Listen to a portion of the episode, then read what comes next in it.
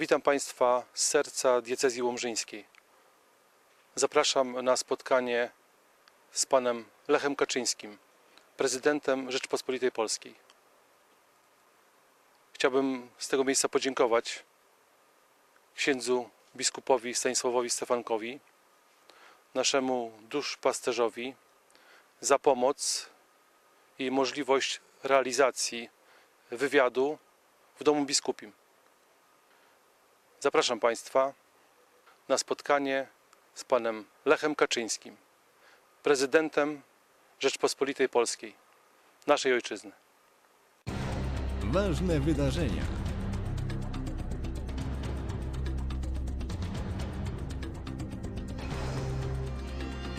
Ważne spotkania.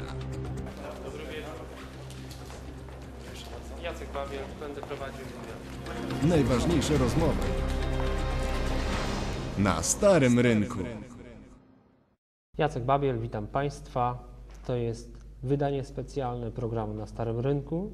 Dziś w Domu Biskupim gościem programu jest Pan Lech Kaczyński, prezydent Rzeczpospolitej Polskiej. Witam Pana. Dzień dobry Państwu. Panie prezydencie, witam w Łomży. Czy jest to Pańska pierwsza wizyta na tej ziemi? Nie, nie. Ja tą ziemię znam od wczesnego dzieciństwa. Nie Łomża akurat, chociaż no, z Łomżą też związki, chociaż już przed kilku pokoleń, dwóch, trzech, ale mam bardzo silne. Dziś otrzymał A Pan... w samej Łomży byłem wielokrotnie w życiu. Tak. Dziś otrzymał Pan tytuł honorowego obywatela gminy Czyżew Osada. Powiedział Pan, że jest to uznanie za prezydenta mia- małych miasteczek, osad, wsi.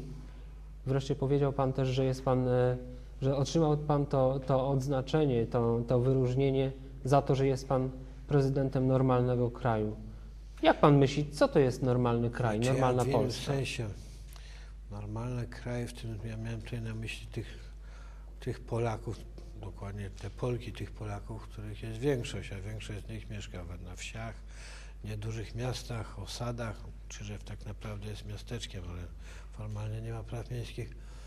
Czy w takich miastach już istotnie większych, jak Łomża, czyli stolicach regionów czy podregionów, jak Łomża, czy w końcu takich 100-tysięcznych miastach, jak na przykład Koszalin, który z różnych powodów dobrze znam, czy Elbląg, który jest nieco większy, też dobrze znam. Inaczej mówiąc, Polska to nie jest kilka milionów mieszkańców metropolii, chociaż oni oczywiście również należą do Polski, są Polakami, odgrywają nawet bardzo istotną rolę. Tylko to są ci, którzy mieszkają w różnych bardzo miejscach. Od najbardziej eleganckich dzielnic Warszawy do najmniejszej wsi w Polsce. Pytam o tą normalność, bo dzisiaj w czasie kampanii wyborczej jeszcze większość partii e, używa właśnie tego określenia. Wreszcie będzie normalnie, inni mówią, że, że trzeba, żeby było normalnie, Znaczy, a pan prezydent powiedział, że jest normalnie. Znaczy jest w jakimś sensie w Polsce jest już zupełnie normalnie, chociaż mamy jeszcze bardzo dużo do zrobienia.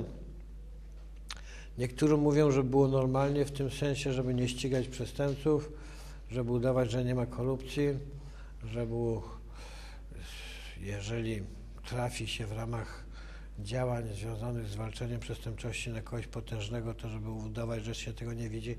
Nie, no takiej normalnej Polski to ja nie chcę. Polska normalna to taka Polska, w której państwo robi co do niej należy, przedsiębiorcy robią co do nich należy, czyli prowadzą działalność gospodarczą i chcą się bogacić. Jak ktoś się zdrowo chce bogacić, niech się bogaci. Pracownicy starają się dobrze wykonywać swoje obowiązki, ale też i awansować w pracy, zarabiać coraz lepiej, bo to jest normalna ludzka chęć.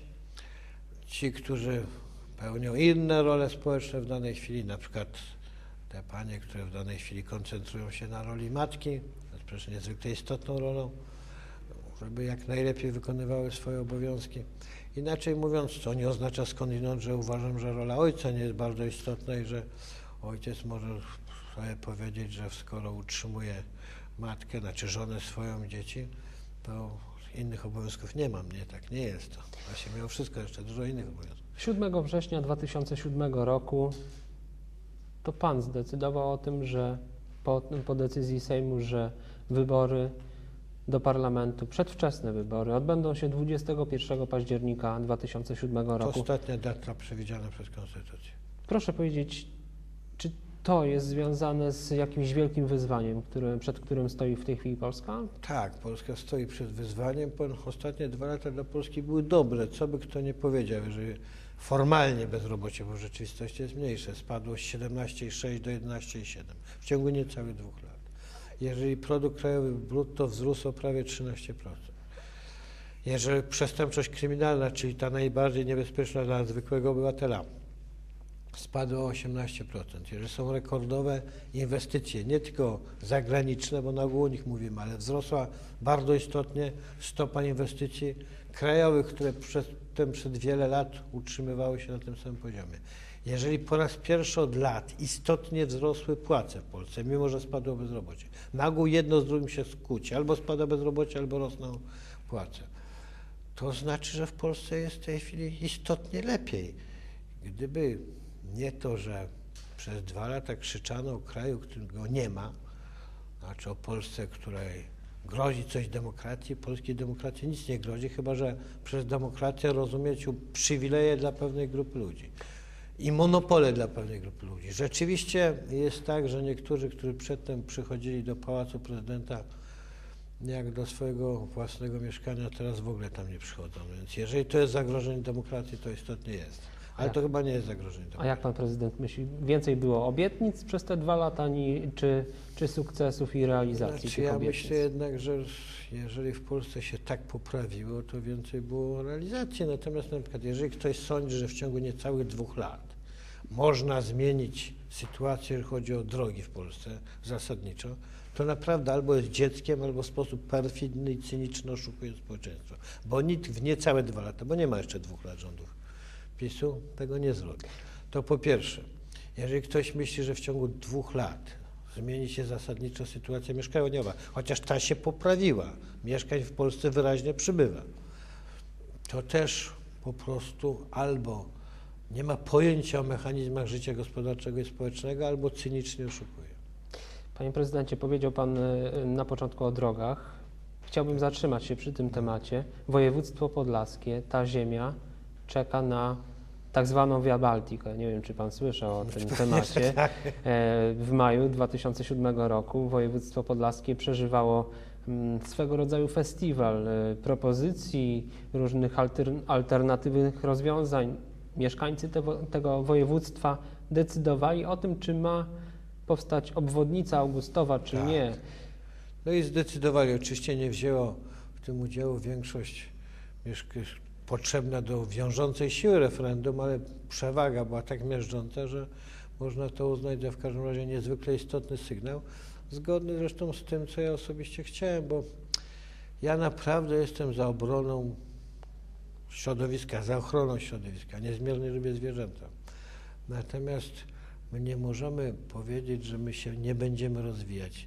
My mamy parę takich pięt achillesowych, niestety nie jedną, tylko kilka. Jedną z nich jest, są nasze drogi. No i właśnie One i mówiło- tak są nieporównanie lepsze w porównaniu z tym, co ja widziałem tutaj ostatni raz.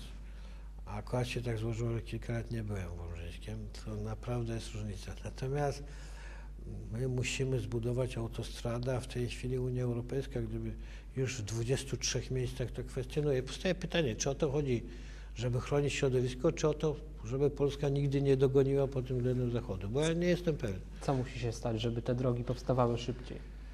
To po pierwsze zmiany prawa już nastąpiły, po drugie to jest gra interesów. Te interesy zdołano przełamać. Przez, przez wiele lat sprawy stały ze względu na to, że wielkie drogi to jeszcze większe pieniądze, a jeszcze większe pieniądze to jeszcze większe od tych pieniędzy interesy. I że byli ludzie zainteresowani tym, żeby bardzo, bardzo, bardzo dużo wygrać na budowie dróg w Polsce.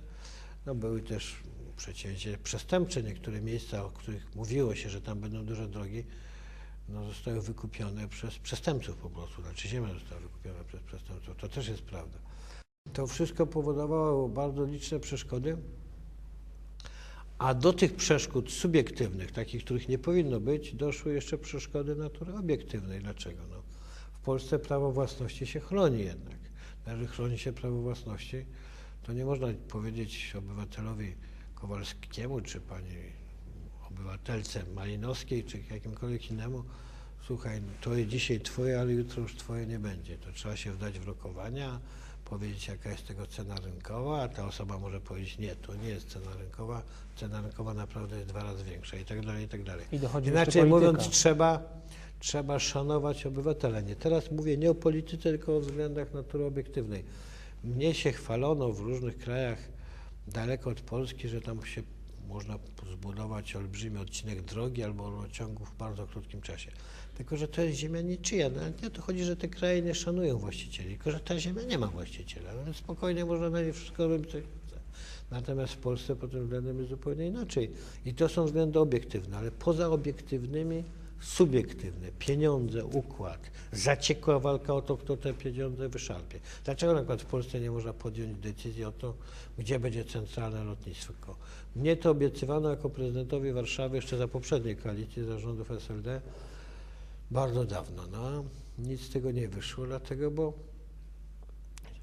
bo jest tak, że no, ja na przykład wiem, gdzie powinno być to lotnisko, ale ja tego panu nie powiem publicznie, bo mi powiedzą od razu, że ja mam w tym jakiś interes.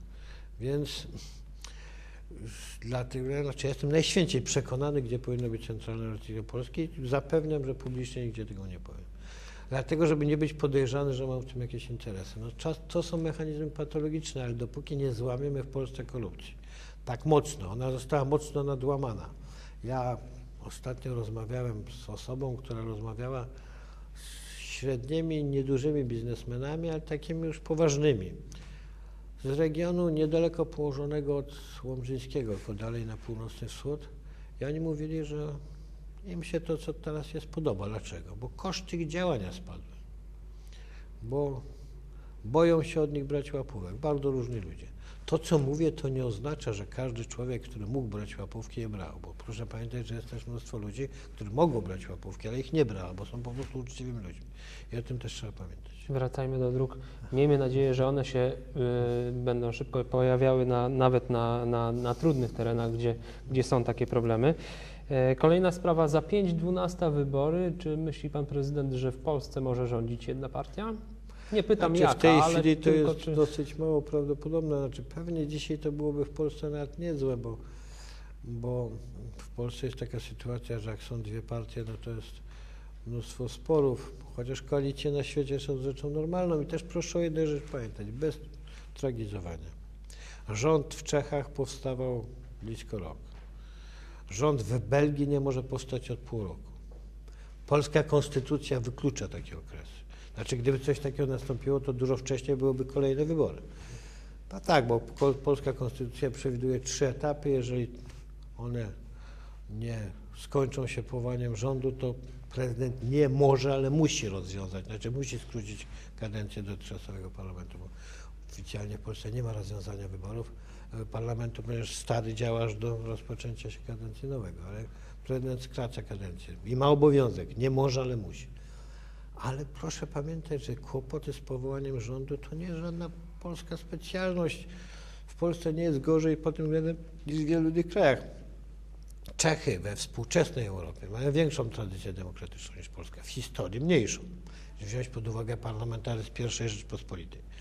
No ale to okres od XV do XVIII wieku, ale jeżeli wziąć pod uwagę wiek XX, to mają większą niż Polska tradycję. I mimo wszystko mają tego rodzaju kłopoty. Belgia, no to przecież utrwalona demokracja od chwili odzyskania niepodległości w roku 1831. No, przypominam, powstanie listopadowe odegrało dużą rolę w tym, że interwencja rosyjska nie mogła tej niepodległości stłumić. I co z tego? Mimo wszystko od wielu miesięcy rząd nie może być powołany. Strasznie długo trwało powołanie rządu w Austrii. Też mówię o kraju silnej tradycji demokratycznej, bo przecież już późno monarchia Habsburgów była jak najbardziej demokratycznym państwem.